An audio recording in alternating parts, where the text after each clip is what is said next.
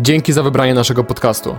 Jeśli lubisz nas słuchać, nie zapomnij odwiedzić strony internetowej atrakcyjnyfacet.pl, gdzie znajdziesz masę dodatkowej, wartościowej wiedzy na temat tego, jak stawać się pełnym, szczęśliwym facetem. A teraz już zapraszam do słuchania.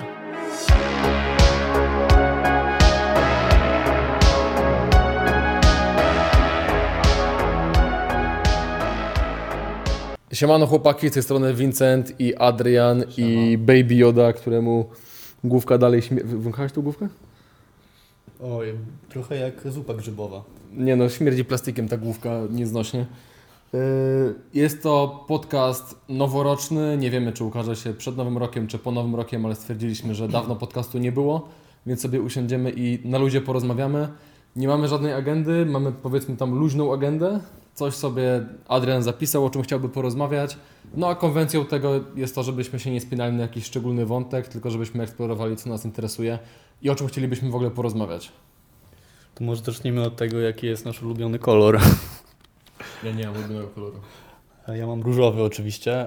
A tak na serio, to jak sobie myślałem o tym, jak mi ten rok minął, to spisałem sobie kilka zupełnie randomowych i niepowiązanych rzeczy, więc spróbujemy jakoś z tego coś ulepić potencjalnie.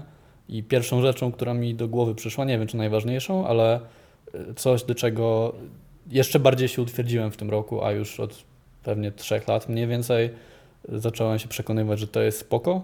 To jest taki wniosek, że mm, korzystanie z pomocy ekspertów i delegowanie rzeczy, których nie trzeba robić, jest zajebiście fajne w życiu i bardzo potrzebne i pomocne. I dla mnie to jest dziwne i zaskakujące, bo pamiętam, że właśnie jeszcze te 3-2 lata temu, jak słyszałem takie mm, pojęcia jak e, siła coachów i e, delegowania i tak dalej, to tak mnie mirziło trochę i myślałem sobie, że to jest jakieś takie dziwne i słabe i że w sumie po cholerę wydawać pieniądze na korzystanie z czyjejś pomocy, skoro można zrobić to samodzielnie.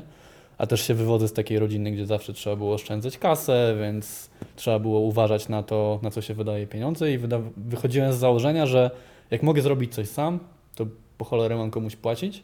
A teraz w sumie jestem w takim etapie w życiu y, i ten rok mi to jeszcze dobitnie wzmocnił, że mam bardzo dużo ludzi wokół siebie, którzy mi pomagają w różnych rzeczach i jakoś coachują i wspierają, no bo mam trenera personalnego, mam trenera od kalisteniki, e, mam e, sprzątaczkę, mam asystentkę personalną, która w ogóle jest dla mnie game changerem i wcześniej myślałem, że takie asystentki to jest jakaś sprawa dla miliarderów e, i że kto normalny potrzebuje asystentkę, ale niesamowite jest to, ile to mi czasu odjęło ile przestrzeni w głowie, że jak wchodzi w jakiś, jakaś randomowa sprawa w stylu, nie wiem, kup ozdoby na święta, albo spraw, żeby karetka, która dzwoni za oknem, przestała dzwonić, bo rozprasza i nie można mówić do kamery, jak się nagrywa film na YouTubie, albo, nie wiem, zrób research kosmetyków, znajdź jakieś bilety lotnicze. Wszystko, co normalnie zajmowałoby mi długie godziny, ja mogę jej wysłać, ona już mnie zna, wie czego oczekuje i dostaje z powrotem gotową gotowo wykonane zadanie, nie muszę w ogóle o tym myśleć, na tym się skupiać. To jest super sprawa i wcale nie tak droga, jak się wydaje ludziom, jeżeli trafi się na właściwą osobę. E, takie rzeczy nawet jak to, że już od wielu lat mam catering i bardzo mało gotuję sobie, chociaż tutaj też trochę przekonuję się do tego, że to może być fajne i próbuję to zbalansować. To, że w tym roku chodziłem na psychoterapię przez cały rok, więc też trochę postrzegam to jako taką formę coachingu. E, I jakby widzę, że fajnie jest przyznać się przed sobą, że czegoś się nie wie najlepiej i po prostu użyć pieniędzy do tego, żeby zaufać komuś, żeby cię przeprowadził przez konkretną ścieżkę. Ja mam tak, nie wiem jak ty masz, że mm, na przykład jakbyś mnie spytał, czemu ja wykonuję na, na siłowni ćwiczenia, które wykonuję w ramach obecnego planu, to w sumie nie wiem, ale mam tak, że po prostu oddelegowuję całą tą wiedzę i tak bardzo ufam ludziom, którym płacę za różne rzeczy, że po prostu wyrzucam sobie to z głowy i wolę to po prostu robić, a nie myśleć, co jest dla mnie najlepsze. I z drugiej strony szanuję bardzo ludzi i podziwiam, którzy na przykład rozumieją dokładnie, czemu coś robią na siłowni i jak wszystkie ich części ciała funkcjonują i tak dalej. Ale no ja mam po prostu inaczej. O, jeszcze kolejna sprawa to fizjoterapeuta. Też wróciłem do korzystania z usług fizjo i to jest super sprawa. E, I myślę, że w przyszłym roku jeszcze więcej będę szukał takich sposobów, żeby różne rzeczy delegować, oddawać, outsourcować i po prostu korzystać z pomocy. E, Jak ty się na to zapatrujesz? Ja uważam, że o ile jest to fajne, o tyle jest ciężko znaleźć dobrego specjalistę i trzeba bardzo uważać, czy osoba, którą wybierasz, jest kompetentna i potrafi spełnić Twoje wymagania. Bo na przykład, tak jak z trenerem personalnym ostatnio, którego mi poleciłeś zresztą, nie wytykając palcami, e, szybko się współpraca moja z nim skończyła, dlatego że nie dogadaliśmy się na takim bazowym, światopoglądowym poziomie, gdzie według mnie gdy oferujesz komuś usługę, powinieneś mieć jakiś poziom empatii do tej osoby i zrozumienia, gdzie zauważyłem, że po prostu nie pasuje mi to, jak ta osoba na, na życie patrzy. I tą współpracę bardzo szybko zerwałem. No ty się dobrze z tą osobą dogadujesz, ale ja też oczekuję trochę innych rzeczy od trenera personalnego. Ja oczekuję jakiegoś accountability, żeby do mnie pisał, pytał, jak poszedł mi trening, czy byłem na treningu, co dzisiaj jadłem.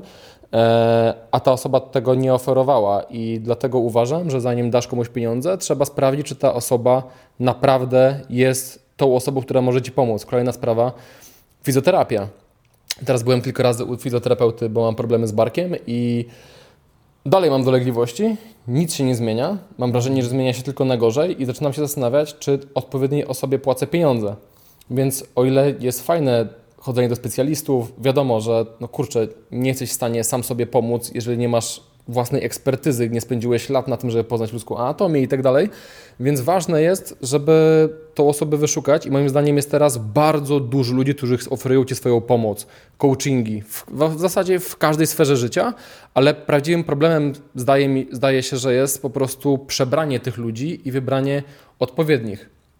I tak samo jak na przykład masz, nie wiem, e, masz e, relacje damsko-męskie. No zobacz, ilu jest trenerów w internecie, i znamy niektóre osoby, wiemy jaką jakość usług świadczą, a zobacz, że oni cały czas mają klientów.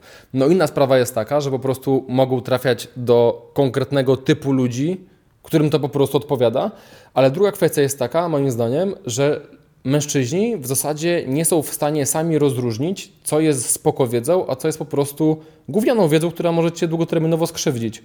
Więc ja bym do tego tak się odniósł, że trzeba być ostrożnym, wiedzieć jakie ma się wymagania, i upewnić się, że osoba, do której idziesz, jest w stanie ta, te wymagania zaspokoić i rzeczywiście jest ekspertem w swojej dziedzinie. No, to prawda i ludzie, ja też sam w tą pułapkę wpadam, często nie wiedzą, że w ogóle można lepiej. I o ile jak ktoś pójdzie do jakiegoś eksperta, który mu nie zaszkodzi, ale pomoże, to, to jeszcze pół biedy. E, natomiast najgorzej faktycznie jest wtedy, jeżeli do kogoś pójdziesz i ta osoba cię skrzywdzi, czy to fizycznie, czy to psychicznie przez to, jakie ci słabe rady daje, czy to w relacjach, czy nie wiem, trafisz na jakiegoś dziwnego terapeutę na przykład. A Więc... Mogę tylko jeszcze się odnieść? Oczywiście, proszę bardzo. No to y, najbardziej mi rozbraja, wiesz o kim mówię, była taka sytuacja, że często mamy na szkoleniu facetów, który, którym podchodzenie nie wychodzi. I oni mówią, że podchodzą od lat, to po prostu nie ma sensu i tak dalej, dziewczyny nie chcą rozmawiać w ogóle. I oni do nas przychodzą po szkoleniu u jednego trenera i wszyscy przychodzą z tym samym problemem. Gdy my sprawdzamy, dobra, to pokaż jak podchodzisz do dziewczyny, każdy z nich podchodzi w dzień. Na przykład jest galeria, dziewczyna robi zakupy i dotyka. I odwraca do siebie. Szarpie dziewczynę. Ona nie wie o co chodzi, chce uciec i ci faceci nie rozumieją, że nie powinieneś naruszać przestrzeni osobistej kobiety, której nie znasz, w takim środowisku jak dzień. W klubie jest inaczej, w klubie jest przyzwolenie na dotyk, tak? E, ale właśnie zobacz, że mężczyźni nie wiedzą, że ta wiedza jest szkodliwa i wpadają w pętle, gdzie to robią, nie mają rezultatów, a wystarczy, że to zmienią, przestaną to robić, zaczną po prostu normalnie te dziewczyny zagadywać, nagle magia, dziewczyny się zatrzymują, chcą rozmawiać, pojawiają się jakieś spotkania i tak dalej. Mm, więc to jest jedna rzecz, o której chciałem powiedzieć. E, jak chcesz się odnieść, to możesz, bo ja chcę wątek zmienić. Dawaj. Dobra, to tak zmieniając wątek, bo e, na samym początku, jak o tym podcaście rozmawialiśmy, mieliśmy rozkminę, żeby porozmawiać o tym, czego się nauczyliśmy w tym roku. Ja Ci powiedziałem, że w zasadzie nie wiem, czego się nauczyłem, ale to jest nieprawda, bo myślałem nad tym, przygotowując się do tego podcastu i dwóch rzeczy się nauczyłem. Jednej rzeczy się nauczyłem o biznesie, który robimy, a drugie rzeczy nauczyłem się o samym sobie.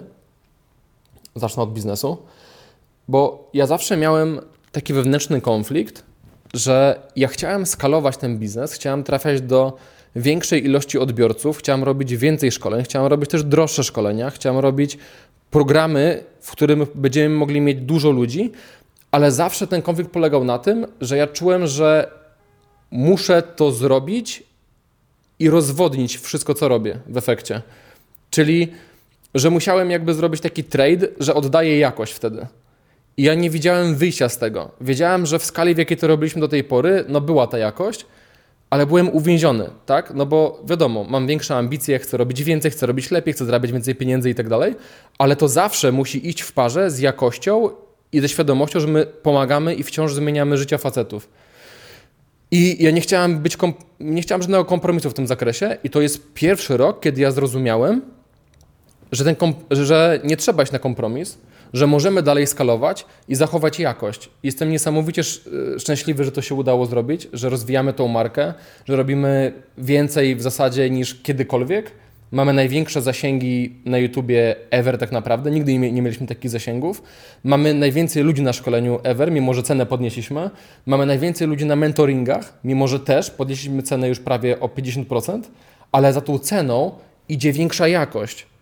I nawet jak na przykład bierzemy do naszego programu mentoringowego nowego trenera, to my się upewniamy, że to będzie najlepsza możliwa osoba do tego. Pilnujemy, żeby czy ta osoba rzeczywiście potrafi komuś pomóc, czy przekazuje dobrze naszą wiedzę i czy jest przedłużeniem naszym, naszej filozofii, czy może praca z tą osobą przyniesie szkodę naszej marce. No bo dla mnie reputacja tej marki jest jakby wszystkim. Jakby my na rynku, myślę, wyróżniamy się najbardziej jakością i tym, że to jest naprawdę nasza pasja, to co robimy. I no nie zliczymy jakby wiadomości, gdzie faceci nam piszą, że to zmieniło im życie i tak dalej. I my właśnie po to to robimy. A jeżeli jednocześnie możemy też szerzej trafiać, mieć z tego więcej pieniędzy, to po prostu jest moim zdaniem win-win i sytuacja, której nie potrafiłem sobie wyobrazić, więc z tego jestem bardzo dumny. E, Jeżeli o tym już skończyłeś mówić, to dorzucę od razu. Mm, Jesteś w stanie określić, co sprawiło, że to zaakceptowałeś i uznałeś, że jednak można skalować to, co robimy, zachowując jakość? I czy to była kwestia bardziej oporu psychicznego, że chciałeś tak jakby wcześniej wszystko kontrolować, no wszystko chuchać i mieć swój, swój wkład w to, no bo to dawało jakąś tam pieczęć jakości, czy chodziło o coś innego? Wiesz co, po części chodziło o to, że ja nie potrafiłem oddelegowywać żadnych rzeczy i wszystko musiałem robić sam, przez co ja nie mogłem firmy rozwijać strategicznie, bo ja pracowałem w tej firmie jako pracownik. Czyli ja odpisywałem na maile, ja dzwoniłem do klientów, z nimi rozmawiałem. Wciąż to robię, bo uważam, że tym jestem najlepszy, a uważam, że rzeczy, w których najlepszy jesteś, trzeba delegować na samym końcu. Ale wiesz, odpisywanie na maile właśnie, e, prowadzenie indywidualnych konsultacji, których teraz robię, no prawie w ogóle ich nie robię. Od tego już te, w tym momencie mamy trenerów. E, to mi zwolniło przestrzeń, że miałem mógł spojrzeć z lotu ptaka, gdzie my zmierzamy, jak możemy pomóc największej liczbie osób, jednocześnie skalując to wszystko, całą operację.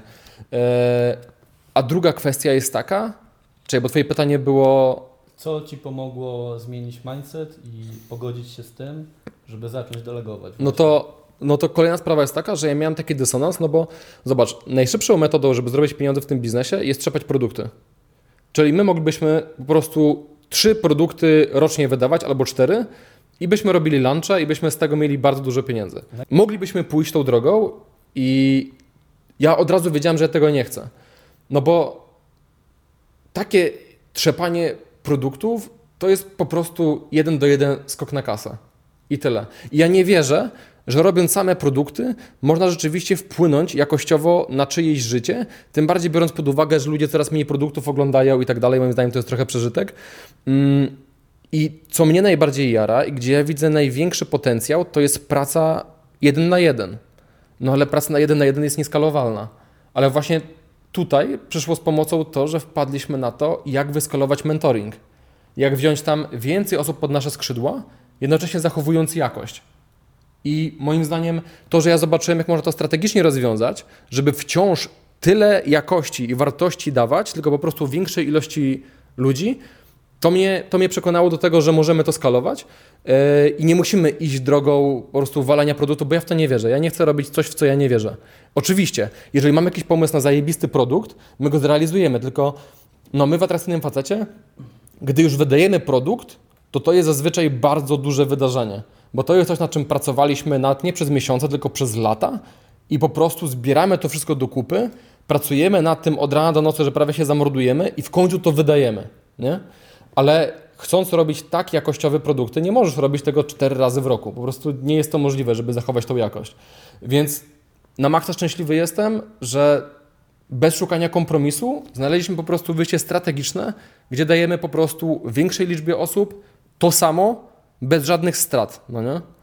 No i tutaj też często pojawiał się argument, w który ja też wierzyłem i zaraz powiem Tobie i naszym widzom, jak to sobie ułożyłem w głowie, że no dobra, ale skoro skalujecie tę działalność, to pewnie będziecie zarabiali więcej pieniędzy, więc skoro zarabiacie więcej pieniędzy, to już coś tutaj jest w tym nie tak.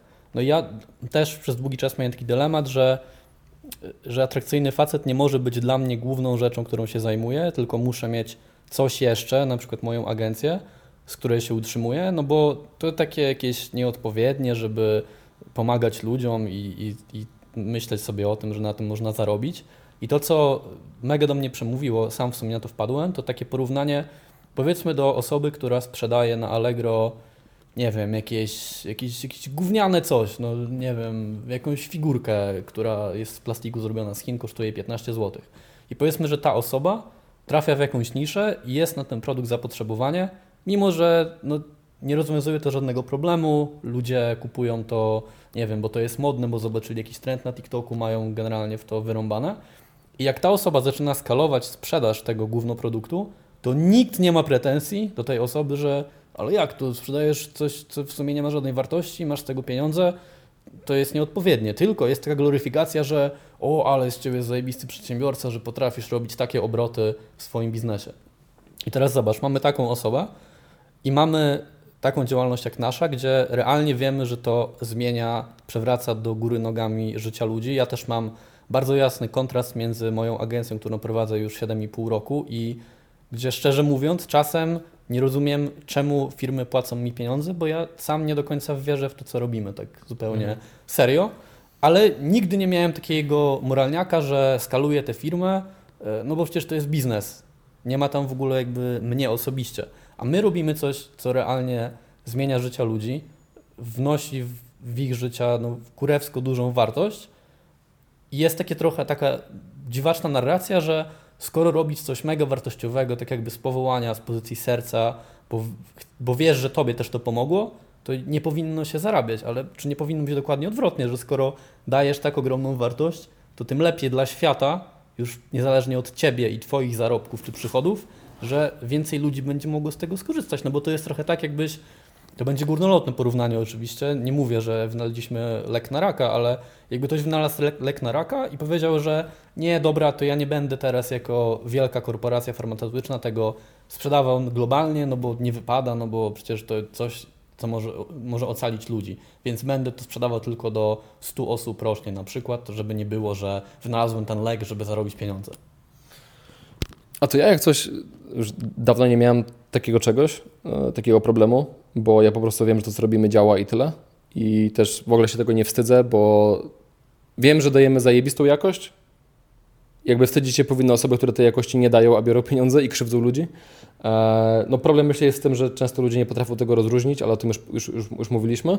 Natomiast z czego ja jeszcze jestem dumny i to jest kolejna rzecz, e, która mi się teraz przypomniała, to jest to, co mówiłem na zjeździe mentoringowym ostatnim, że byłem wzruszony, bo patrzyłem na salę wypełnioną naprawdę zajebistymi osobami, z którymi chciałbym po prostu iść na piwo.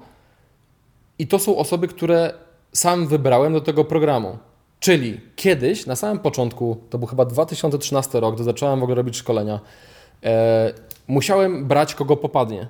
Kto miał pieniądze, tego po prostu brałem, zapraszałem, bo potrzebowałem tych pieniędzy do przeżycia.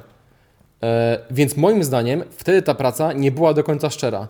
Teraz po latach jestem w uprzywilejowanej pozycji, że ja mogę pracować z kim chcę, ja nie potrzebuję niczyich pieniędzy i przez to, że mam już jakąś tam pozycję, e, mogę właśnie wybierać klienta, z którym pracuję i to jest dla mnie niesamowite szczęście.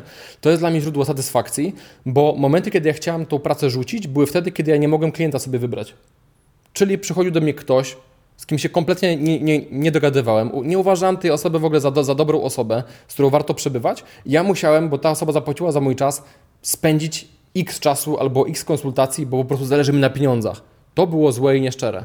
W tym momencie, gdy ktoś jest roszczeniowy, gdy ktoś jest negatywny, gdy ktoś próbuje yy, jakoś mną manipulować, ja po prostu mówię, dobra, dziękujemy, nie jesteśmy zainteresowani współpracą, na razie. I to jest taka ulga. To jest tak niesamowite uczucie.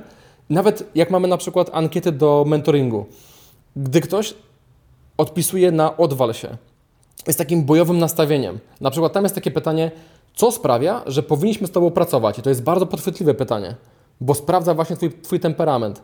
I załóżmy, że ktoś tam odpisał normalnie na wszystkie pytania, a tutaj pisze, to Wy powinniście mi powiedzieć, bo ja Wam płacę. Serio były takie Tak, tak. To jest dla mnie takie, okej, dobra.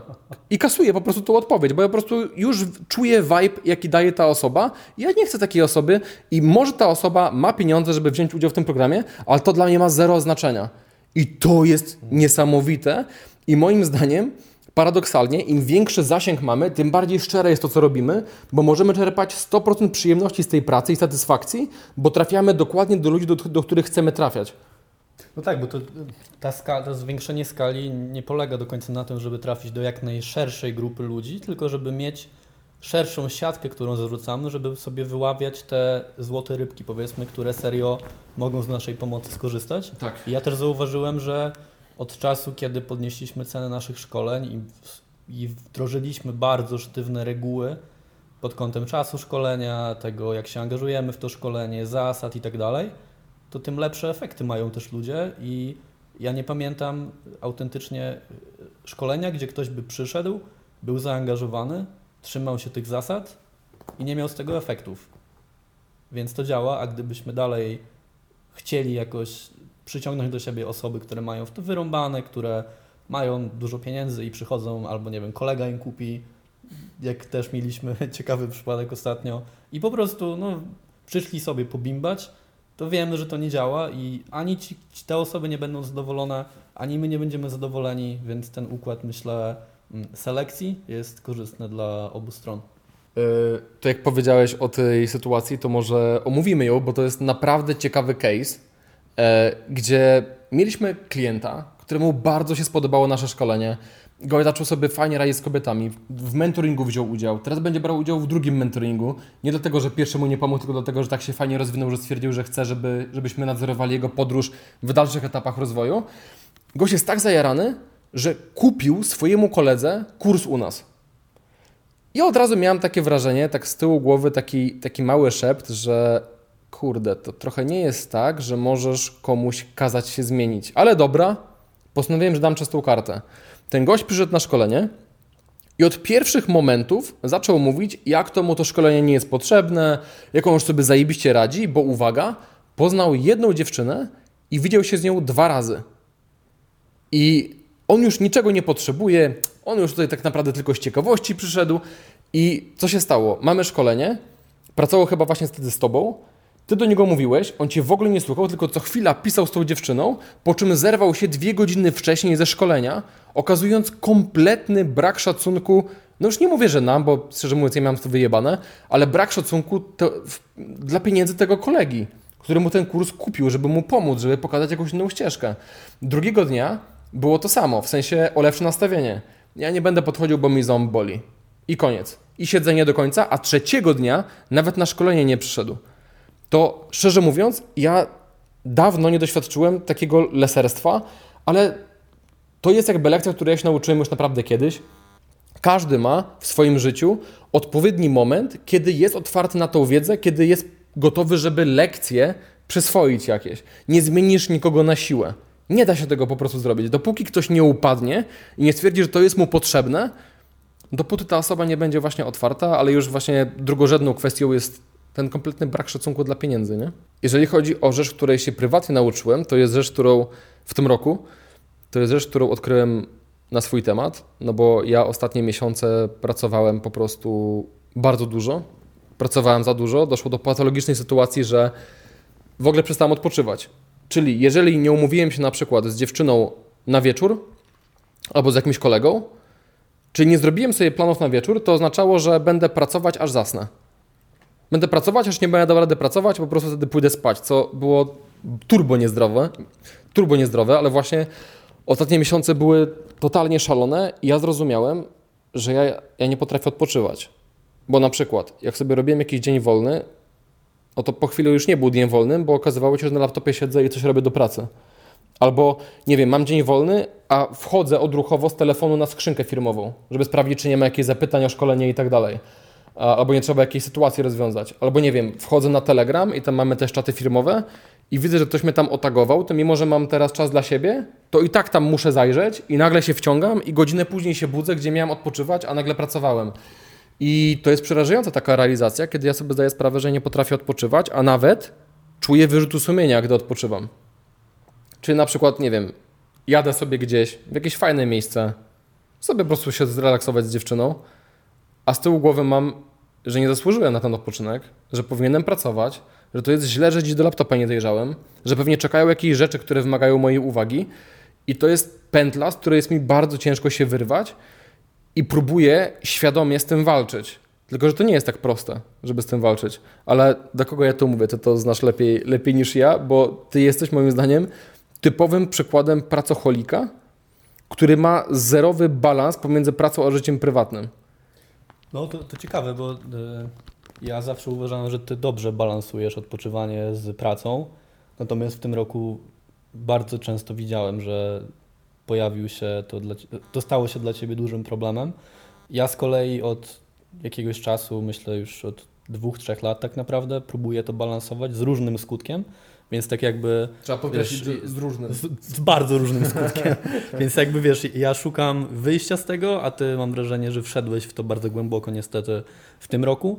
Natomiast jakby no, trzeba sobie otwarcie powiedzieć, że to jest uzależnienie, tak jak em, o tym Peter Attia mówił fajnie, że em, bo on też jest pracocholikiem i jakby zdał sobie sprawę, że tak naprawdę mechanizmy stojące za pracocholizmem są bardzo podobne do mechanizmów, które stoją na przykład za alkoholizmem albo, Mhm. nie wiem, hazardem, uzależnieniem od, od y, jakichś używek i tak dalej. I ja na przykład zauważyłem coś takiego dosłownie w zeszłym tygodniu, że mm, jak pewnie wiesz, ja usunąłem, czy tam zawiesiłem sobie Instagrama prywatnego i Facebooka z trzy tygodnie temu, żeby się nie rozpraszać. I to jest super, bo faktycznie nie mam w ogóle trigger, w sensie jeżeli pojawiały się triggery, żeby wejść i coś sprawdzić, to nie miałem opcji, żeby to zrealizować. No i miałem nadzieję, że w takim razie to mi uwolni dużo przestrzeni w głowie i czasu. I faktycznie tak jest, ale zobaczyłem, że w tą przestrzeń teraz wkrada się na przykład coś takiego, że jak jestem przy e, komputerze, to wchodzę na Instagrama atrakcyjnego faceta, żeby zobaczyć wyświetlenia ostatniej rolki.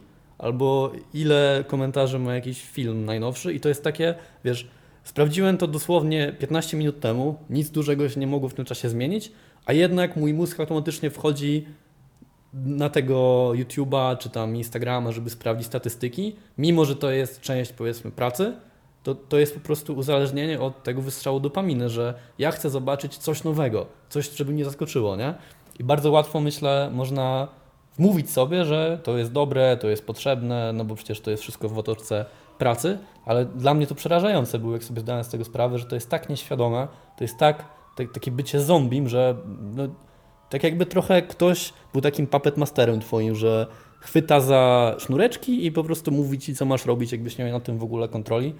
I ja y, ubolewam nad tym i dla mnie chyba nie ma innego rozwiązania niż stawianie sobie bardzo twardych granic i po prostu usuwanie szansy, żeby w ogóle dotykać tego typu rzeczy jak najbardziej się da poprzez takie radykalne kroki, jak na przykład usunięcie konta na social mediach, czy zainstalowanie jakichś tam blokerów, bez opcji obejścia tego pod tytułem wejdę sobie w inny profil, przeglądarki i tak dalej, e, bo to bardzo łatwo można niestety obejść.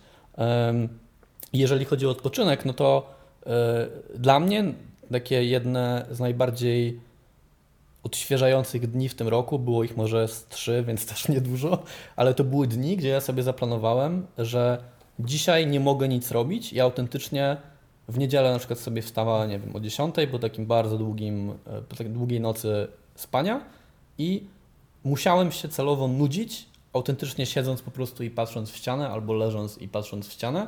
Nie mogłem nic robić, dopóki nie pojawiła się we mnie serio chęć, żeby podjąć jakąś aktywność, niezwiązaną z pracą też. Czyli jakby ja rozróżniam trochę dwa etapy tego, dwa, dwa poziomy tego. Raz, mam absolutny zakaz tykania w takie dni laptopa, telefonu, wszystkiego, co się wiąże z pracą, ale dwa, ja nawet nie chcę pozwalać sobie na to, żeby zapełniać ten dzień aktywnościami, które są z pozoru fajne, jak na przykład, nie wiem, pójście na siłownię, pójście do jakiejś restauracji, e, spotkanie się z kimś i tak dalej, tylko żeby to serio był blok nudy i nic nie robienia i no właśnie naj, najbardziej odświeżony w tym roku czułem się w takich dniach, gdzie przez 3-4 godziny po prostu leżałem i patrzyłem się i myślałem sobie, hmm, na co bym miał teraz ochotę, żeby tam nie było żadnego planu, żadnego przymusu, tylko czysta spontaniczność i takie pozwolenie sobie na to, żeby w Twoim sercu serio pojawiła się prawdziwa chęć, żeby coś zrobić, a nie, żeby to był sposób na to, żeby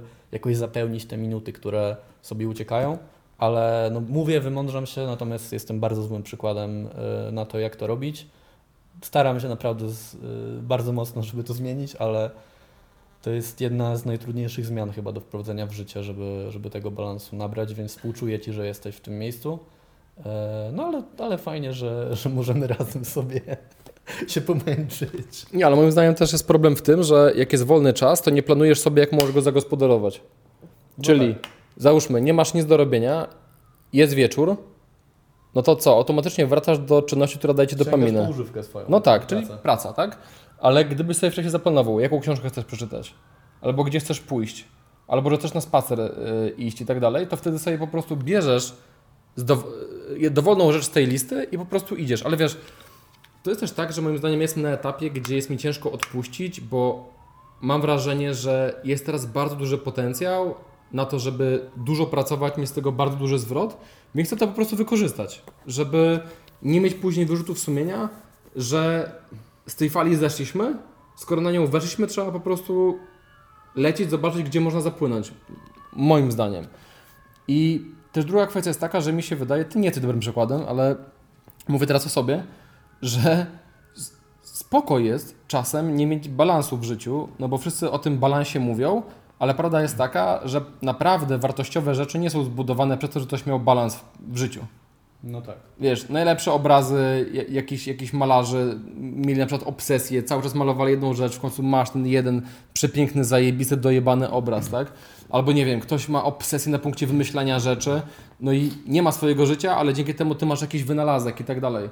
Więc czasami trzeba się poświęcić. Ja nie mówię o tym, że w długim terminie to jest zdrowe, bo nie jest w ogóle zdrowe, ale też nie ma co tego demonizować, ja po prostu chciałem się podzielić, że kurde, zauważyłem, że nie potrafię odpoczywać, że trochę może za mocno się od tego uzależniłem, ale też wiem, że to nie będzie tak przez całe życie wyglądało, więc, więc spoko, nie?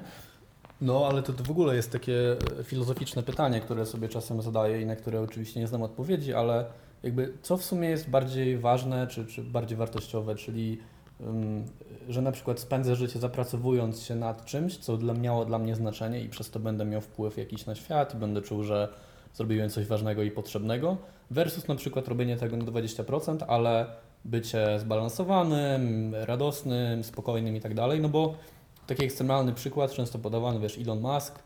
Dużo ludzi myśli sobie, o, ale bym chciał być jak Elon Musk, ale, ale super osoba, super życie, tylko właśnie mało ludzi zdaje sobie sprawę, ile on musiał poświęcić i jak wiele sfer jego życia jest żałosnych po prostu i jakim on jest nieszczęśliwym człowiekiem.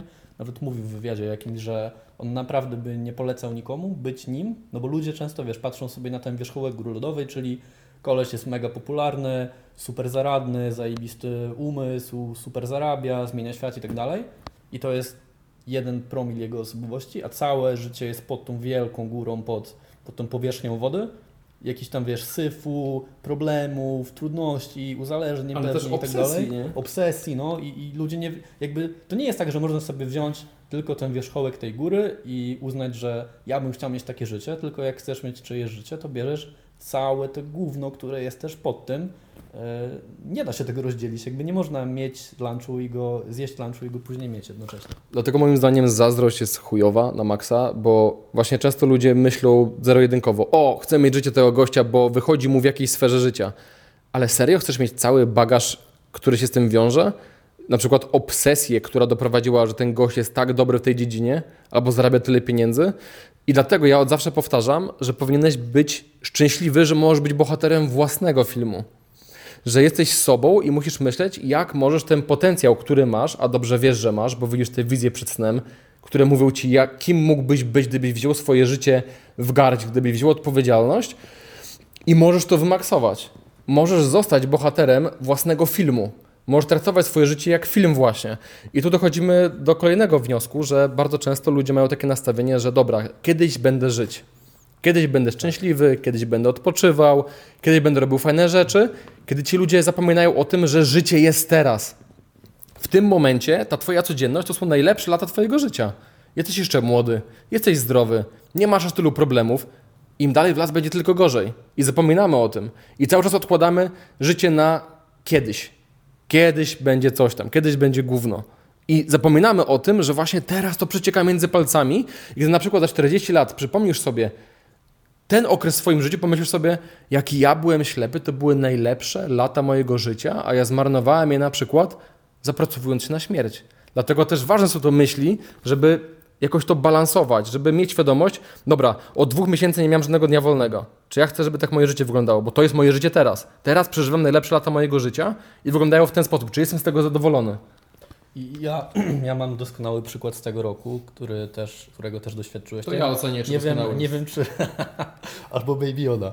E, Nie wiem, czy też tak to postrzegałeś, ale e, na mnie to miało bardzo duży wpływ i jakby taki odczuwałem konflikt w sobie, jak to się wydarzyło, no bo jak e, uznaliśmy wspólnie, że jedziemy do Stanów w grupie tam pięciu osób, chyba kupiliśmy bilety w marcu, ja wtedy jeszcze siedziałem w Azji, e, wylot mieliśmy jakoś tam w połowie kwietnia, no ja wtedy byłem w takim właśnie trybie robienia, wypuściłem Podejść do niej 2.0, zacząłem nowy projekt o AI i byłem tym mega podjarany.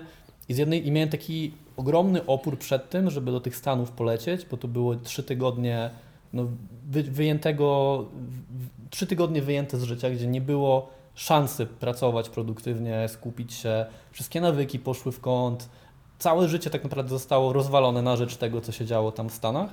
I ja się czułem tak ciężko z tym, że tam lecę, bo z jednej strony byłem mega podekscytowany, bo to było jakieś takie marzenie, które mieliśmy wspólnie, żeby to zrealizować i dużo o tym mówiliśmy i nagle wow, jednak lecimy tam i, i też prywatnie dla mnie to było marzenie, żeby takiego road tripa zrobić, a z drugiej strony myślałem sobie, nie, no przecież trzy tygodnie, ja teraz ten projekt zacząłem, tutaj rozkręcamy się w atrakcyjnym facecie, w agencji trzeba coś zrobić i było takie, nie, to nie jest właściwy moment. I nawet podczas tego naszego pobytu wielokrotnie, pewnie pamiętasz, siadałem do laptopa tam, wiesz, już jak zombie 21, zresztą ty też tak miałeś e, i coś tam próbowałem klepać, bo chciałem jakoś to FOMO i tą, tą dziurę w sobie załatać, że jednak trzeba trochę tą pracę ogarnąć i tak dalej. I cały czas ten konflikt miałem w sobie, ale jak teraz sobie patrzę i wspominam e, ten czas, no to jestem mega zadowolony, że tam e, z tej decyzji, że tam poleciałem i za nic w świecie bym tych trzech tygodni nie oddał na to, żeby przy kąpie siedzieć i rozwinąć coś tam bardziej, no bo to są serie wspomnienia, które dostaną ze mną do końca życia i są tak wyraziste i tak mocne, że no, to jest akurat przykład tego, że fajnie ten balans mieć i zrobić coś, co, do czego ma się jakiś tam opór i co, jest, e, co nie jest defaultem, czyli nie jest pracą, tylko jest takim maksymalnym doświadczaniem i, e, i byciem, ale też myślę, że to jest trochę tak, że jak wiesz, się wchodzi w jedno ekstremum, czyli pracujesz jak, jak taki robot po prostu, to później też fajnie wejść w ekstremum tego, że teraz trzy tygodnie nie ma w ogóle pracy i po prostu doświadczasz życia i generujesz super wspomnienia. Ale z tymi wyjazdami to zawsze tak jest. I ja o tym wiem, dlatego tak, tak zawsze puszuję na te wyjazdy, No, bo nigdy nikt nie ma Nie ma czasu. czasu. Ale stary, kto ma czas na wyjazd? No. Kto ma czas zostawić wszystko i No. gdzieś lecieć? Szczególnie jak prowadzisz swój biznes. No. No nigdy nie ma odpowiedniej chwili. I najgorsze jest to, że mając te klapki na oczach, nie rozumiesz, że nigdy nie będzie takiej chwili. Będzie tylko mniej czasu im dalej w życie, bo na przykład kiedy założysz rodzinę, będziesz miał dziecko, będzie jeszcze gorzej. I ja wiedząc to, ja wtedy jak te USA planowaliśmy na przykład, albo jak Azję planowaliśmy jeden czy drugi raz, to ja za każdym razem sam nie czułem, że to jest moment, żeby lecieć. Nigdy tego nie miałem, ale wiedziałem, że nie mogę tego oczekiwać, ale że kiedyś podziękuję sobie za to, że wydarłem ten czas. I to zawsze polega na wydzieraniu sobie tego czasu. I jak ja sobie to, jak ja sobie to uzmysłowiłem, że tak zawsze jest i że to jest normalne, przestałem się tym przejmować.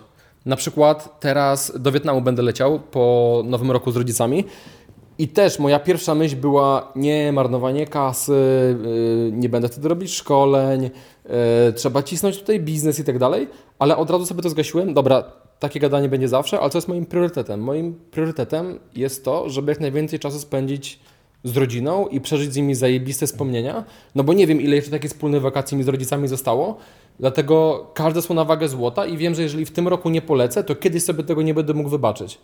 Bo być może zostało, nie wiem, kilka takich wyjazdów, a ja jeden rok po prostu zrobiłem sobie dziurę, nie poleciałem nigdzie, nie stworzyłem tego doświadczenia, nie spędziłem z nimi czasu. Więc stwierdziłem, dobra, klepię to i już będę musiał się w locie dopasować do tego, że to postanowiłem i że to jest klepnięte i że trzeba lecieć. I, i dlatego też, jak na przykład proponuję taki wyjazd, i ludzie, którzy mają wziąć, w nim udział, narzekają, to ja każdego przekonuję, cisnę, nie, będzie prawda, fajnie, no. da, dasz radę, ogarniesz i później co? I jest zawsze fajnie, bo właśnie, Zawsze jest fajnie, no nigdy nie było tak, że ktoś żałował. no, e, no, więc tak to wygląda. No warto mieć takie osoby w życiu jak Vincent, który przekonuje i, i niszczy wszystkie wymówki i sprawia, że Że masz wyrzut ludzie, sumienia, że ludzie nie są pracujesz. zmanipulowani, żeby podjąć decyzję, bo za chwilę już nie będzie okazji, więc dzięki za to. Yy, Ja w ogóle też z takich rzeczy, które z tego roku pamiętam, ten wyjazd dla mnie na pewno był jednym z highlightów i już o tym chyba mówiliśmy kiedyś, ale to było takie uczucie jakby z trzech tygodni zrobiły się trzy miesiące, że tam już po tygodniu mieliśmy wrażenie jakby trwało rok tak naprawdę. Hmm, ciekawe Tyle dlaczego. się działo. Bardzo spokojne tempo. I w ogóle, jak sobie tak myślę, to jedno z takich najbardziej dla mnie wartościowych i wyrazistych wspomnień w tym roku to były wyjazdy z innymi facetami. Nawet, kurde, ostatnio byłem w Białymstoku na weekend i doskonale spędziłem czas. E, Byłem na festiwalu dla facetów e, przez kilka dni, gdzie też miałem opór, że nie, nie mogę teraz na 4 dni się od internetu odciąć i tam pojechać, a wróciłem po prostu jak nowonarodzony człowiek. Mm, I, I dalej, mimo że wiem doskonale, jak super są te wyjazdy i jak bardzo budują więzi i jak, e, jak bardzo można poczuć się człowiekiem, to zawsze mam ten sam opór i na szczęście już nauczyłem się trochę też Tobą zainspirowany, żeby po prostu podjąć decyzję i najczęściej pierwszego dnia, już w ciągu pierwszej godziny zdajesz sobie sprawę, że jednak zrobiłem dobrą decyzję e, i nie żałujesz w ogóle tego Mhm. wyjazdu. E, I tak jeszcze szerzej jakby o tym mówiąc, no to przez te wyjazdy jeszcze bardziej doceniłem w tym roku wartość relacji z innymi facetami i jakby, no wiecie, my tu mówimy na kanale w naszej działalności o tym, jak poznawać kobiety, jak sobie lepiej radzić w relacjach z kobietami i tak dalej i to też jest bardzo ważne oczywiście, ale y, ja im jestem starszy, tym bardziej cenię sobie relacje z innymi mężczyznami i wręcz nie chcę powiedzieć, że stałem je wyżej od na przykład relacji z moją dziewczyną, ale że to jest taka bardzo, bardzo ważny fundament, bez którego nie wiem, jakbym mógł żyć, gdybym tego nie miał. E, I, I staram się to pielęgnować. I właśnie takie wyjazdy w, w grupie, nie wiem, 3, 4, 5 osób w jakieś miejsce, albo nawet wyjazdy, które mieliśmy tam w, w 10-12 osób w tym roku. E, No, cudowna sprawa i, i nie wiem, jak, jak można nie mieć tego w życiu. W sensie to jest tak super i tak wartościowe. A wracając do tego USA, to tam przegięliśmy pałę ostro, bo y, tam y, w stanie, w którym byliśmy, jest legalna marihuana. I Nie, nie spodziewałem się, że o tym powiesz. tak, ja muszę o tym powiedzieć, stary, bo trzeba o tym mówić, moim zdaniem. Trzeba nie? ostrzec ludzi. Trzeba ostrzec ludzi. Nie, chodzi o to, że ja kiedyś paliłem marihuanę, kiedyś paliłem nawet sporo. E, To były moje lata młodzieńcze, typu, nie wiem, 20 lat do 24, może tak dużo tego było. I ja, ja od dawna już tego nie robię, dlatego że to po prostu ryje mi głowę. Ja rozumiem, że są ludzie, którzy może nie są tak na to podatni i tak dalej, ale ja stawałem się przez palenie leniwy, mniej pewny siebie, spadało moje poczucie własnej wartości. Oczywiście mówię o chronicznym jaraniu codziennie, nie? E, a nawet raz w tygodniu. To i tak miało, miało wpływ, gdzie mam poukładane życie, przekonanie na swój temat, a zawsze jak zapalę, mam jakieś schizy w głowie, gdzie od nowa wszystko rozkopuję, czy jestem wartościowy, czy, to, czy w ogóle dam radę. Niepotrzebne jest. Nie? Tak, czy dam radę zrobić jakiś projekt? Po co mi to, nie?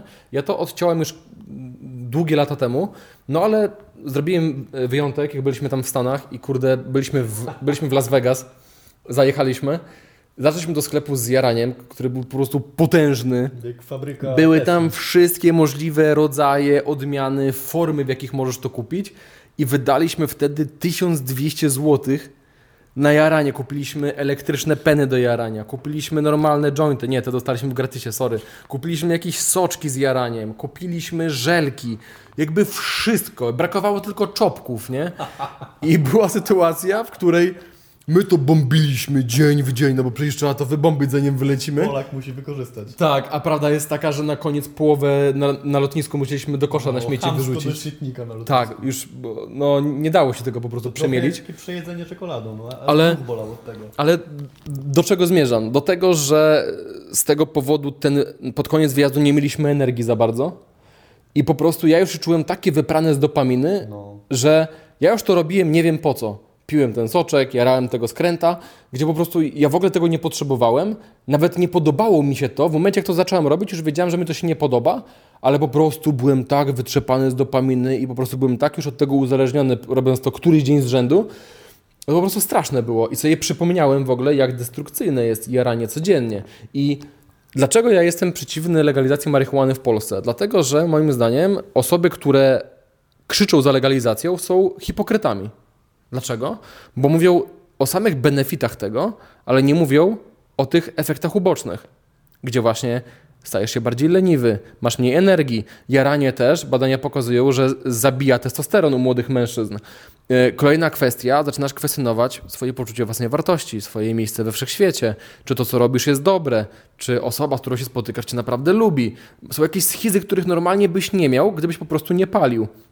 I o ile nie mam nic przeciwko, żeby sobie raz na jakiś czas zajarać, o tyle uważam, że jaranie codziennie albo nawet raz w tygodniu to jest już problem.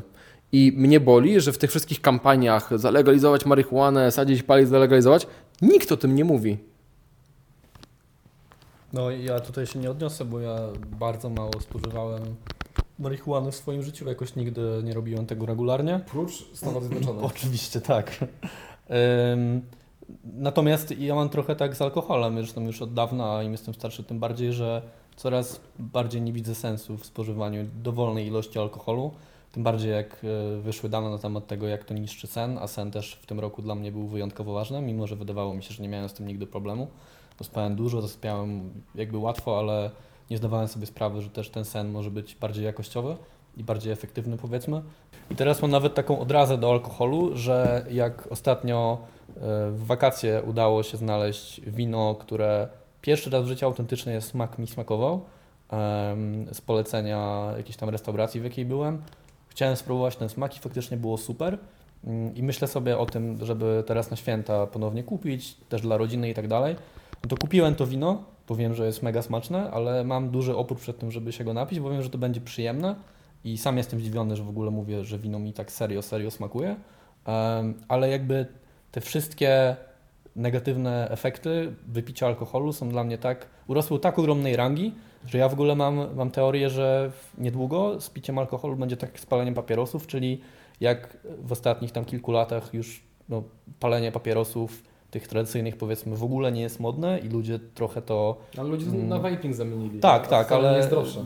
Tak, ale jakby mówiąc tylko o tradycyjnych, mam wrażenie, że to stało się trochę zdemonizowane i już w ogóle nie jest cool jaranie takiego typowego papierosa. Wydaje mi się, że podobnie może być. Mam nadzieję, że będzie z alkoholem, że picie alkoholu przestanie być cool. Pewnie to zajmie jeszcze nie 5, ale z 15 lat, ale mam, mam nadzieję, że tak będzie. No bo jakby rzeczy, które to niszczy i lista y, efektów ubocznych i negatywnych jest tak ogromna względem tego, co z tego zyskujesz. No dla mnie alkohol to jest chyba najgorsze gówno, jakie istnieje. Jakby nie ma chyba używki, którą tak bardzo gardzę jak alkoholem.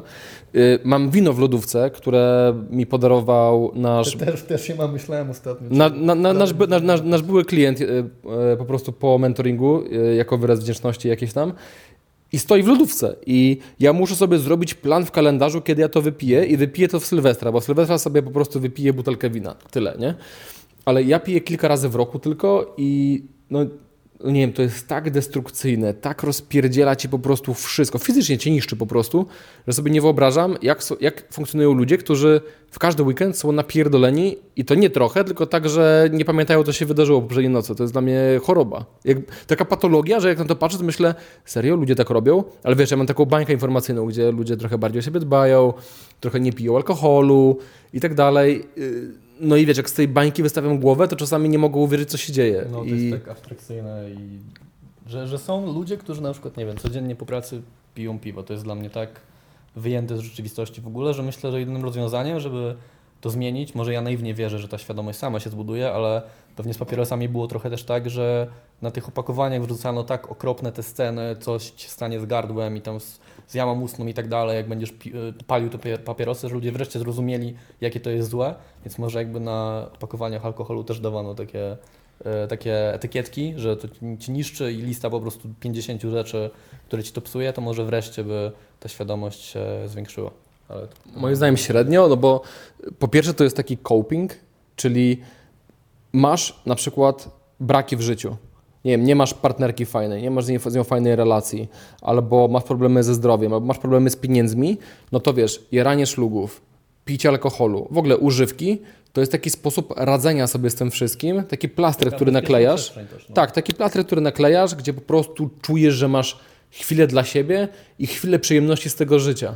I to jest problem, że to się dzieje, ale większym problemem jest, że to jest normalizowane przez popkulturę. Mnie, dla, według mnie to jest po prostu masakra, że wciąż w filmach jest przedstawiany ten model, gdzie na przykład, mm, gdzie, gdzie po prostu rozwiązaniem każdej życiowej bolączki, każdego problemu jest się najebać. W każdym filmie masz sytuację, gdzie nie wiem, yy, facet rozstaje się z kobietą. No to co robi? No idzie się nakurwić po prostu jak świnia. I to jest po prostu normalizowane, pokazywane w każdym filmie, więc później nawet masz taki odruch. Masz jakiś dołek emocjonalny, co robisz? Idziesz się najebać. No, prosty przykład. Co ja miałem, gdy miałem 19 lat i odrzuciła mnie dziewczyna? Wtedy jeszcze byłem przed tym całym tematem, to był w ogóle dla mnie katalizator, żeby zacząć się rozwijać. Ona mi napisała, zostajmy przyjaciółmi, ja miałem duże nadzieje, to mnie bardzo zabolało. I słuchaj, to była, in, to była intuicja. Ja nie piłem jakoś dużo wtedy, mimo że wiesz, czasami się zdarzało tam z kolegami, ale to zero myślenia. Co ja zrobiłem? Wyszedłem z domu, wszedłem do monopolowego, obudziłem się po tym, jak miałem cztery browary po prostu i jednego już zerowałem. Jakby zaprogramowany był na bazie Tak. tego przekazu. Tak, na, po prostu, oczywiście, jakby złamane serce Tak się robi. i się najebać, tak się robi przecież, nie? I oczywiście nic to nie rozwiązało, absolutnie. Mm, no ale to był początek fantastycznej przygody, no bo pod koniec tego czułem się jak śmieć, no bo też się spiłem strasznie i sobie po prostu postanowiłem, że mogę się poużylać do jutra, a jutro jest kolejny dzień życia, nie wiem jak dużo mi życia zostało, ja nie chcę zmarnować tego dnia na coś tak żałosnego jak użalanie się nad sobą, bo jakaś dziewczyna mnie nie chciała. I stwierdziłem, że zrobię wszystko, co w mojej mocy, żeby stać się atrakcyjnym mężczyzną, który ma wybór w kobietach, żeby już nigdy mnie nie zabolało odrzucenie ze strony kobiety, że ktoś mnie nie chce, żeby to nie był dla mnie koniec świata, tylko żeby to było, aha, nie chcesz mnie? Spoko, rozumiem, szanuję, nie musisz mnie chcieć, bo jesteś wolną jednostką, nie zmuszę cię, żebyś mnie kochała. Spoko, znajdę kobietę, która, której będę się podobał, która będzie mnie akceptowała, dla której będę fajny i która będzie się cieszyła, że może ze mną, się spotykać, nie? To jest prawdziwa wolność i tego chciałem, nie? Mm, No ale, jaki to musiał być dla Ciebie tytaniczny wysiłek, żeby wyjść z tego, żeby to zauważyć, tak jakby z trzeciej, perspektywy trzeciej osoby i zmienić ten mechanizm, e, no bo to naprawdę kosztuje nieprawdopodobnie dużo wysiłku, jeżeli nie masz w swoim otoczeniu ludzi, którzy pokazują Ci, że można inaczej i trochę tworzą właśnie taką bańkę i nadpisują tą narrację, która jest w społeczeństwie, która no, nie zawsze jest korzystna, e, bo są tam interesy jakichś tam innych podmiotów, na których Twoje nawyki, które żerują na Twoich złych nawykach, które Ci szkodzą, ale no to jest też ta niesamowita siła grupy przyjaciół, generalnie ludzi w życiu, którzy mają przekonania, gdzie na przykład o tym, o tym często mówimy, jak podejdziesz dziewczyny na ulicy i ona nie będzie chciała rozmawiać, no to Twój kolega powie Ci, że super stary, że podszedłeś, fajnie, że zobaczyłeś, co się wydarzy i brawo za Twoją proaktywność, a nie, że yy, dała Ci kosza, po co w ogóle próbowałeś, bez sensu. I tak jest we wszystkim, nie? Tak samo z tym alkoholem, z jaraniem, z pracoholizmem. Fajnie mieć y, ludzi, którzy pokażą Ci, że możesz inaczej i że możesz robić rzeczy, które Ci będą bardziej służyć i wzajemnie się w tym wszystkim nakręcać i tworzyć taką pozytywną, górną spiralę, a nie coś, co Cię zaprowadzi do momentu, gdzie właśnie wylądujesz czterema bro- browarami i będziesz czuł, że musisz się najebać, żeby wyjść z emocji trudnych, które, w które popadłeś.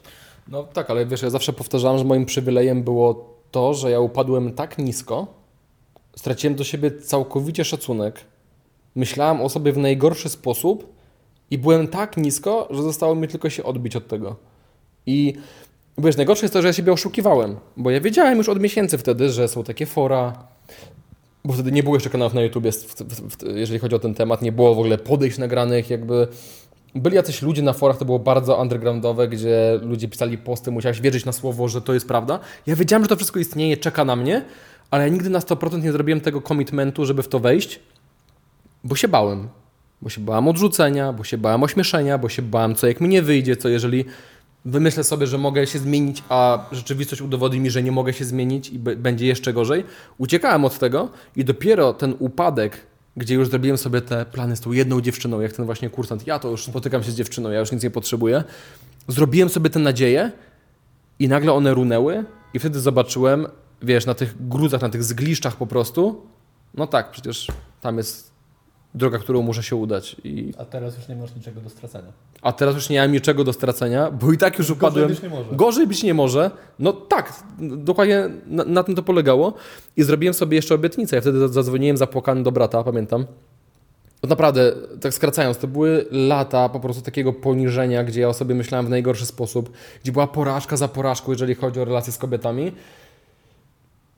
To było tak ciężkie i ja zadzwoniłem wtedy do brata i po prostu powiedziałem, że chcę mu złożyć przysięgę i że przysięgłem mu, że już nigdy żadna tego typu sytuacja tak mocno mnie nie ruszy, że zdobędę ten wybór w kobietach i że nauczę się właśnie, na czym to wszystko polega i że włożę w to 100% wysiłku.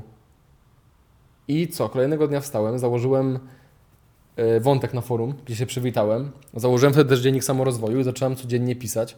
Wysłałem wtedy mojemu bratu raporty z tego na maila, wtedy jeszcze nie było komunikatorów jakichś rozbudowanych, e, a mój brat śledził tą przygodę, bo on mieszkał w Warszawie, wtedy Białymstoku jeszcze mieszkałem.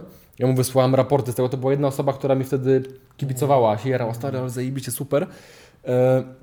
No i co, przewijając to parę miesięcy później, byłem zupełnie innym człowiekiem i moje życie się kompletnie zmieniło. I fakt, że ja wiem, że o tym mówię bardzo często o tej przenośni, ja czuję, że ja uniknąłem wtedy wpadnięcia pod pociąg, że ja miałem tą wiedzę na wyciągnięcie ręki, a wiem, jak wielu facetów nie ma tej wiedzy i my musimy do nich dotrzeć. I właśnie to skalowanie tego, co my robimy, tej naszej operacji, też polega na tym, żeby uratować tych ludzi, którzy myślą, że nie ma dla nich nadziei, że muszą być samotni, że kobieta ich odrzuciła i to jest dla nich koniec świata i mają wrażenie, że im świat się posypał, bo nie mają alternatywy i są samotni, tak? I to jest moim zdaniem wyzwalające, że znajdujesz siebie z przeszłości i jesteś dla tych osób tym forum, które mnie wtedy uratowało, tak? Tylko oczywiście to jest droga na skróty, bo bez tego całego bullshitu na tych forach były, byli mega dziwni ludzie, turbotoksyczne środowisko było, ciężko było znaleźć jakąś, jakąś fajną wiedzę, odróżnić te plewy od złota, z którego można coś tam zrobić.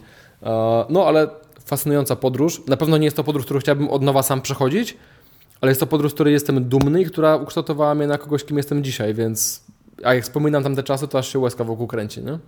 No i, i fajne jest też to, że jak taki, taka osoba przychodzi na szkolenie na przykład i opowiada o tym, czego doświadczyła w życiu i można się z nią utożsamić, to my już wtedy wiemy, co jest dla niej po drugiej stronie, że, że, że stary wiemy, że tam jest światło, nie? I zostaje już po stronie oczywiście tego kursanta, żeby on się przekonał, że faktycznie warto się postarać, żeby na tą drugą stronę przejść, ale dla mnie najbardziej wzruszające w tym wszystkim jest i w tym też, co powiedziałeś, to, że jakby zaczęło się od tak, powiedzmy, powierzchownej motywacji, jak to, że chcę teraz mieć kobiety i y, mieć wybór i y, y, kobiety są atrakcyjne i ja chcę być atrakcyjny, co często jest, wiesz, tak wyśmiewane i spłaszczane, że no, bo wy latacie gale, za, gale, za dziewczynami w galeriach handlowych, ale kurde, finalnie w wielu przypadkach naprawdę bez jakiegoś patosu czy robienia z tego jakiejś teorii, serio chodzi o to, że to jest kwestia życia śmierci dla tych ludzi i zrozumienie, że oni mogą na przykład mieć wybór w kobietach, to jest ratunek dla ich życia i taka, taki wyłom, przez który nie tylko będą wreszcie nie samotni, tylko znajdą sobie partnerkę, ale też w ogóle uwierzą w siebie i zobaczą, jak inne może być życie i że można żyć na własnych zasadach i kreować tą rzeczywistość na wielu innych płaszczyznach. Nie? To, to brzmi tak pompatycznie, ale ile mieliśmy sytuacji, gdzie kursanci nam dziękowali, że w pewnym sensie im uratowaliśmy życie, nawet dosłownie dostajemy takie wiadomości, czy, czy sytuacje na szkoleniach, gdzie ktoś podchodzi i takie słowo właśnie wypowiada. I to wcale nie jest przesadzone. I, i fajnie, że mogliśmy obaj tak nisko upaść, żeby tego doświadczyć i żeby no, przekazywać to dalej i, i używać tego mechanizmu do ratowania żyć tak naprawdę.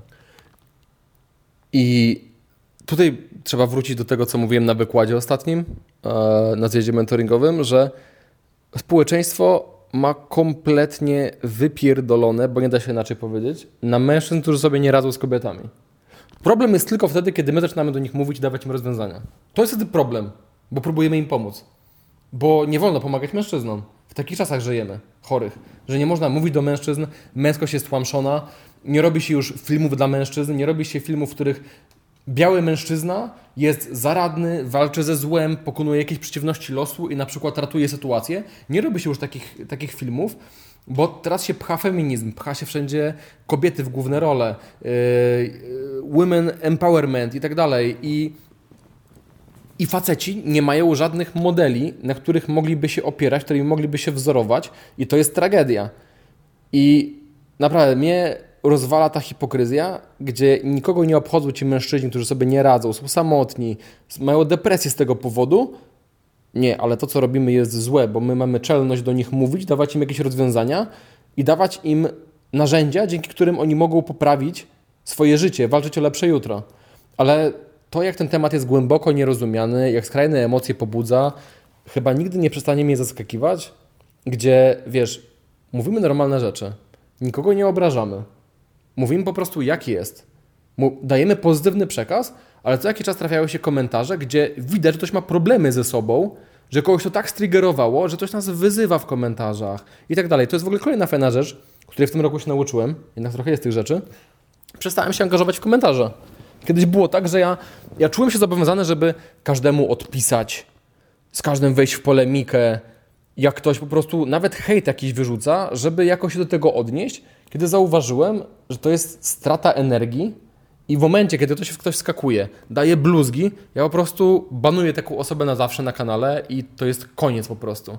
Albo jak ktoś przychodzi z nastawieniem, że nie da się tego zmienić i rzuca jakieś y, teorie incelowo, blackpillowe, gdzie widać, że ta osoba ma zero szans, żeby z tego wyjść, tylko przyszła po prostu wylać swoją żółć, wylać swoją toksyczność, po prostu ban Czyli to i jest tyle. tak jak ci kursanci, którzy jakby nie pasują do tego, co mówimy i tak się nie zmienią, bo nie mają w sobie tego, więc nie chcesz z nimi pracować, tak? Tak, i To jest właśnie zrozumiałem, że ja mogę być wolny od angażowania się w ciemną energię innych ludzi.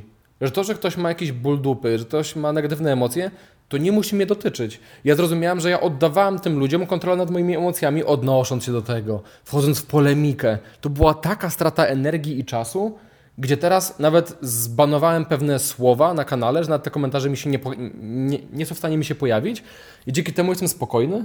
Okej, czasami sobie przeskroluję, kto co komentuje i tak dalej, wiadomo, jak ktoś komentuje w jakiś fajny, pozytywny sposób, albo konstruktywny przynajmniej, to się czasami nawet dam serduszko, ale staram się nawet, nawet pozytywne komentarze, staram się nie angażować tak jak kiedyś, bo są ważniejsze rzeczy.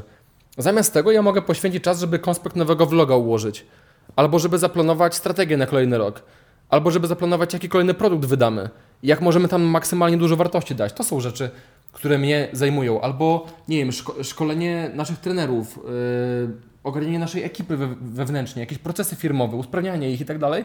Jest tyle rzeczy, które wymagają naszej uwagi, a ta uwaga jest po prostu wydzierana nam przez takie rzeczy jak, jak, jak komentarze, jak wdawanie się, wchodzenie w polemiki czy w dyskusje. I naprawdę, ja, ja bardzo lubię konstruktywną krytykę, tylko że konstruktywnej krytyki jest mało. Jak się pojawia, zawsze jest tak, że okej, zastanowię się, może rzeczywiście tutaj przesadziłem, może w kolejnym materiale zrobię coś lepiej, no przecież bez społeczności ten kanał nie istnieje, tak?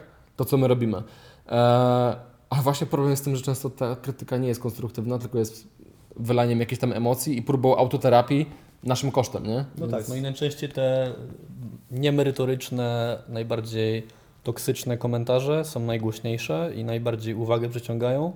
E, No a nie są w ogóle reprezentatywne dla tego, co większość osób wyciąga z tego, co mówimy, czy e, z tego, o czym nagrywamy materiały. Ja tę strategię rozumiem i szanuję. Ja mam trochę inne podejście, bo ja jakoś tak idealistycznie nie jest to na pewno produktywne, w tym sensie, że mogę ten czas na coś innego spożytkować, ale mam takie ide- idealistyczne podejście, że odpisuję na absolutnie wszystkie komentarze, może z jakimiś tam paroma wyjątkami i jeżeli chodzi o te komentarze, gdzie widzę, że ktoś przychodzi z bólem dupy, ewidentnie na przykład nie obejrzę nawet materiału, już wrzuca komentarz, który jest ewidentnym hejtem, to ja nauczyłem się odpowiadać zawsze z miłością. Czyli na przykład osobie, która, nie wiem, mówi o mnie coś negatywnego, albo że nie mam racji, albo i, nie, że nie mam racji i podaję argument za tym, tylko nie mam racji i coś totalnie z tyłka wyciąga. Nauczyłem się pisać coś w stylu mam nadzieję, że będziesz miał cudowny dzień. Albo mm, wchodzę trochę w dyskusję, widzę, że mu się kończą argumenty i na koniec właśnie jeszcze dodaję jakiś taki słodki, pełen miłości komentarz. Nie miałem jeszcze sytuacji, żeby ktoś na to później jakoś zareagował, bo wydaje mi się, że tym ludziom tak się robi głupio, jak dostają taką odpowiedź, że już tak jakby wiesz, odbierasz im trochę mocniej. To trochę tak, jakby, nie wiem, ktoś ci powiedział, znajomy czy nieznajomy, nieważne, że yy, ty to masz zjebane życie. I ty byś powiedział takiej osobie, no mam. Jakby nie ma dalej dyskusji w ogóle, nie odbierasz całą siłę. E, I ja, ja na pewno to zabiera trochę uwagi i czasu, to odpisywanie, ale mam z tego jakąś taką satysfakcję, że odpowiadanie dobrem na wszystko, nieważne co dostajesz, zwracanie do jakby wszechświata, mówiąc gó- górnolotnie dobra i miłości, to super działa i, i też może cię w pewnym sensie napędzać i budować takie poczucie sprawczości i tego, że ludzie, jeżeli na to nie pozwolisz, nie mają kontroli nad tym, jak się będziesz czuł. Z jednej strony tak, a z drugiej strony się kompletnie nie zgadzam. Szanuję, ale nie akceptuję. Natomiast, yy, bo, bo ja uważam, że nie wolno nagradzać złego zachowania. A wiesz, ktoś siedzi w piwnicy, wysrywa na ciebie swoje problemy w bardzo wulgarny sposób. Ty nawet odnosząc się z miłością, miej dobry dzień czy coś, dajesz tej osobie do, uwagę. No. Dajesz mu uwagę, dajesz mu dopaminę, nagradzasz go za to, co zrobił, a zrobił coś obiektywnie złego. E, gdzie wiesz, to, to jest moim zdaniem też taka parodia trochę, że nam się mówi, że my jesteśmy źli, bo uczymy tego mężczyzn, nie? Gdzie my mówimy pozytywny, piękny przekaz o szanowaniu drugiej osoby, o robieniu wszystkiego tak, żeby dla kobiety to było też komfortowe, o lepszym jutrze, o wzięciu się za jaja, o wzięciu na barki odpowiedzialności za, za swoje życie, o staniu się naprawdę facetem, na którym można polegać, który jest z siebie dumny, z którego inni mogą być dumni, w którym mogą znaleźć oparcie. I to jest złe. I wiesz, i, i my dajemy taki przekaz, a dostajemy z powrotem. Oczywiście nie mówimy, że to wszystkie komentarze. Czasami są takie komentarze, nie? Dostajemy jakiś wysryw, że wy manipulanci. Wiesz, dostajemy taką negatywność na coś tak pozytywnego, że czasami ja mam takie skąd to się wzięło do, do cholery, nie? Jakby jakie trzeba mieć problemy w życiu prywatnym, żeby tak agresywnie reagować na tak pozytywny przekaz. No bo wiesz, problem z tym jest taki, że to, co my mówimy, atakuje bardzo głębokie przekonania niektórych ludzi. Przekonania, wokół których ci- te osoby ułożyły sobie całe życie, gdzie racjonalizują sobie, dlaczego nie mogą być szczęśliwi. No bo jeżeli e, kobiety lecą tylko na wygląd i hajs i bez Ferrari nie jesteś w stanie mieć żadnej kobiety, a my mówimy, że możesz mieć, no to to atakuje bezpośrednio twoją wiarę w te przekonania. I podważa w ogóle pewne decyzje, które w życiu podjąłeś prawdopodobnie. Tak, i to nagle podważa twoje racjonalizacje, gdzie ty siedzisz w domu, grasz na kompie, mimo że wiesz. Nie da się siebie oszukiwać bardzo długo. Ty wiesz w głębi siebie, że dajesz dupy i że, że za 20-30 lat będziesz sobie pluć w brodę, że oszukiwałeś samego siebie, siedziałeś w tej przysłowiowej piwnicy i nie pracowałeś nad sobą, podczas gdy inni wygrywali po prostu wygrywali swoje życia, no. No i, i potrzebujesz, potrzebujesz nawet sam sobie dać takie potwierdzenie poprzez taki komentarz, że masz rację i w tym się utwierdzić. Eee, No i niestety ja nie wierzę w to, że taką osobę da się przechrzcić i przekonać ją do tego, że może inaczej, dopóki właśnie ktoś w takiej sytuacji nie upadnie na samo dno, wtedy albo no, jego życie się skończy metaforycznie lub na- lub nawet dosłownie niestety, albo zauważy, że no, tak dalej nie można, ale no niestety, jeżeli jest gdzieś tam powiedzmy w tych 20% na samym dole, ale nie na samym dole, to wyjście z tego jest niesamowicie, nieprawdopodobnie trudne. I też ja bardzo współczuję takim osobom, bo wiem, że, że mają ciężko i no, za nic bym nikomu nie życzył takiego życia. No, ale, ale faktycznie myślę, że tutaj nie ma jasnej odpowiedzi, jaka, jaka reakcja jest dobra.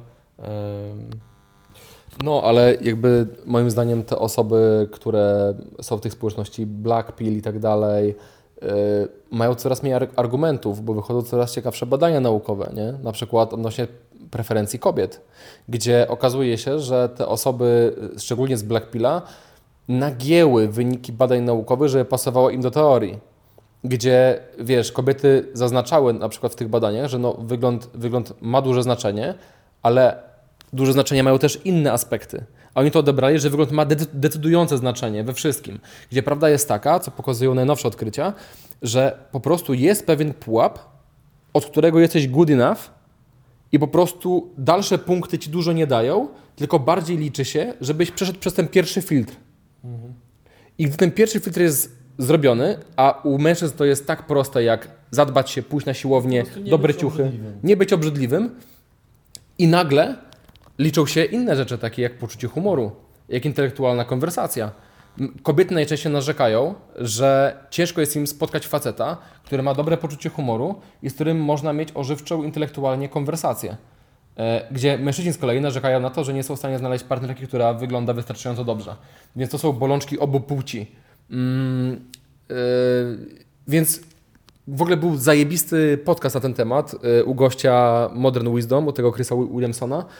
E, może wrzucimy w komentarzu linka do tego, gdzie właśnie gość, który zajmuje się zawodowo badaniem rynku matrymonialnego, preferencji kobiet, mężczyzn, właśnie przytaczał bardzo ciekawe argumenty, gdzie sobie zrobiłem mnóstwo, no, mnóstwo właśnie notatek i szykuję w ogóle vloga na temat taki, żeby omówić najnowsze badania naukowe odnośnie randkowania, bo to podważa większość rzeczy, o których właśnie się mówi w takich skrajnych ideologiach, gdzie ludzie się wspierają, tak, jesteśmy chujowi, tak, nie możemy mieć kobiety, bo, bo coś tam. Najczęściej jakiś czynnik zewnętrzny, nie?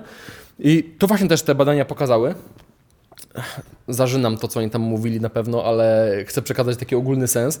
Ogólny sens jest taki, że e, osoby, które uważają, że sprawczość leży w czynnikach zewnętrznych, mają najgorsze wyniki w randkowaniu, O, gdzie tak. te osoby, które mają identyczną sytuację wyglądową, finansową, społeczno-socjalną, ale mają wewnętrzne, wewnętrzne przekonanie, że oni sterują swoim życiem, te osoby mają dużo większe efekty w randkowaniu.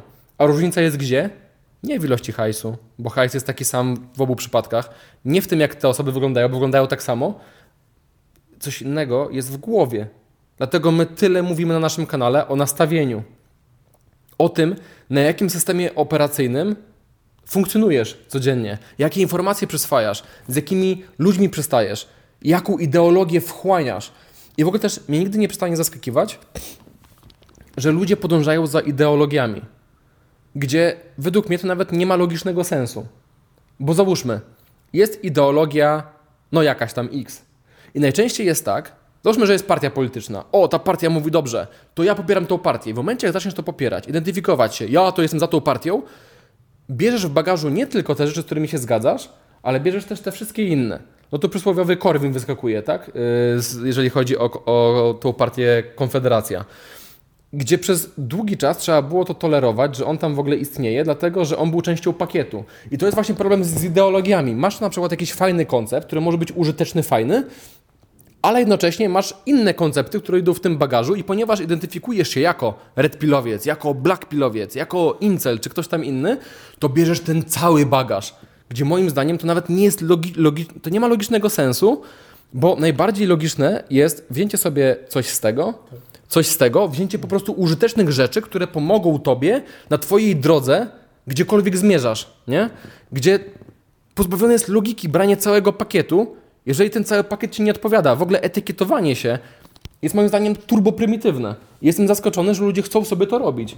Gdzie jak się etykietujesz, na przykład jak ktoś mówi, no ale ja jestem osobą, która nie może szybko się uczyć, no to natychmiast będziesz miał taką sytuację, że nie będziesz mógł szybko się uczyć, bo siebie tak zaetykietowałeś, więc etykiety, ideologie to jest moim zdaniem to samo gówno w innym opakowaniu po prostu.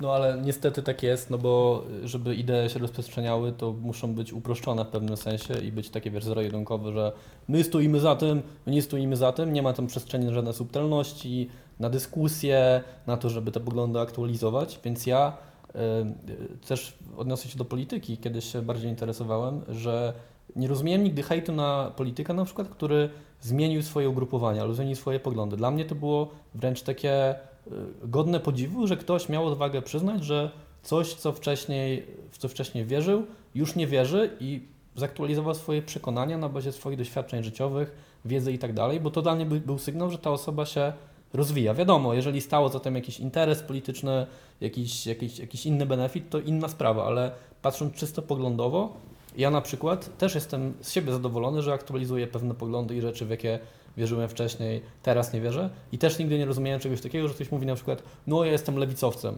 albo nawet na poziomie religii, nie? że jak tylko nie wierzysz w jedną rzecz, albo nie wyznajesz jednej zasady zgodnie z Twoją religią, to już jesteś jakiś, jakimś odmieńcem, że w ogóle nie masz prawa w nią wierzyć. No jak to? Jakby dlaczego wszystko musi być w jednym pakiecie?